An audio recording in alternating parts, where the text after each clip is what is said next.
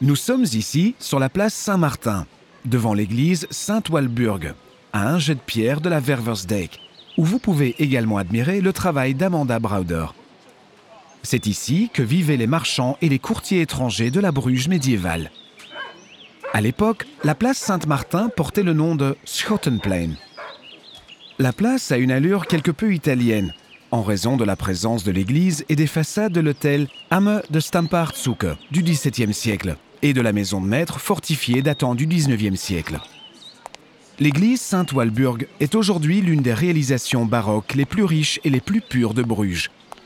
Les encorbellements des cadres, les architraves et les volutes donnent à la façade une impression dynamique.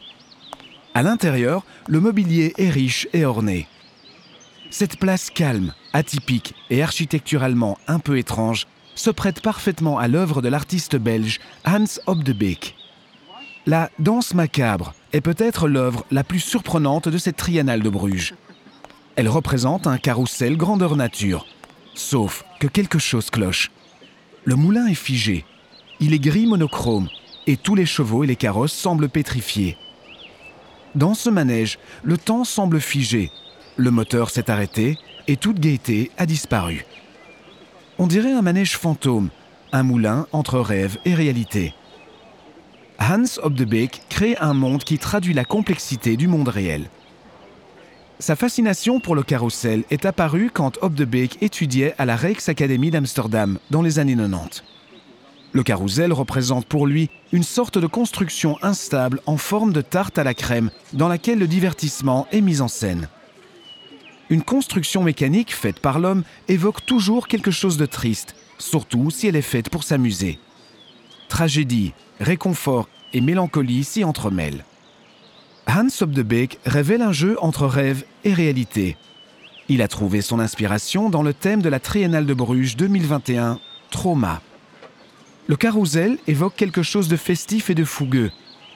Les détails ornementaux éveillent de doux souvenirs, mais il y a aussi l'autre aspect qui évoque des choses moins belles.